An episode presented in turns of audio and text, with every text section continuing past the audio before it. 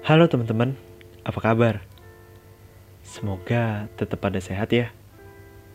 Gimana nih kuliah daringnya? Seru? Apa sangat menyenangkan? Kenalin, namaku Zidan. Aku sendiri staf ahli BEM Fapet UB, Kementerian Kajian Aksi dan Strategi. Di podcast kali ini aku pengen bahas kuliah daring Siapa sih sekarang yang gak tahu kuliah daring? Tapi kali ini kita kedatangan narasumber yang gak asing nih. Yaps, beliau Bapak Dr. Insinyur Muhammad Halim Natsir, SPT MP IPM, selaku Wakil Dekan 1 bidang akademik. Mungkin udah pada gak sabar? Langsung aja ya.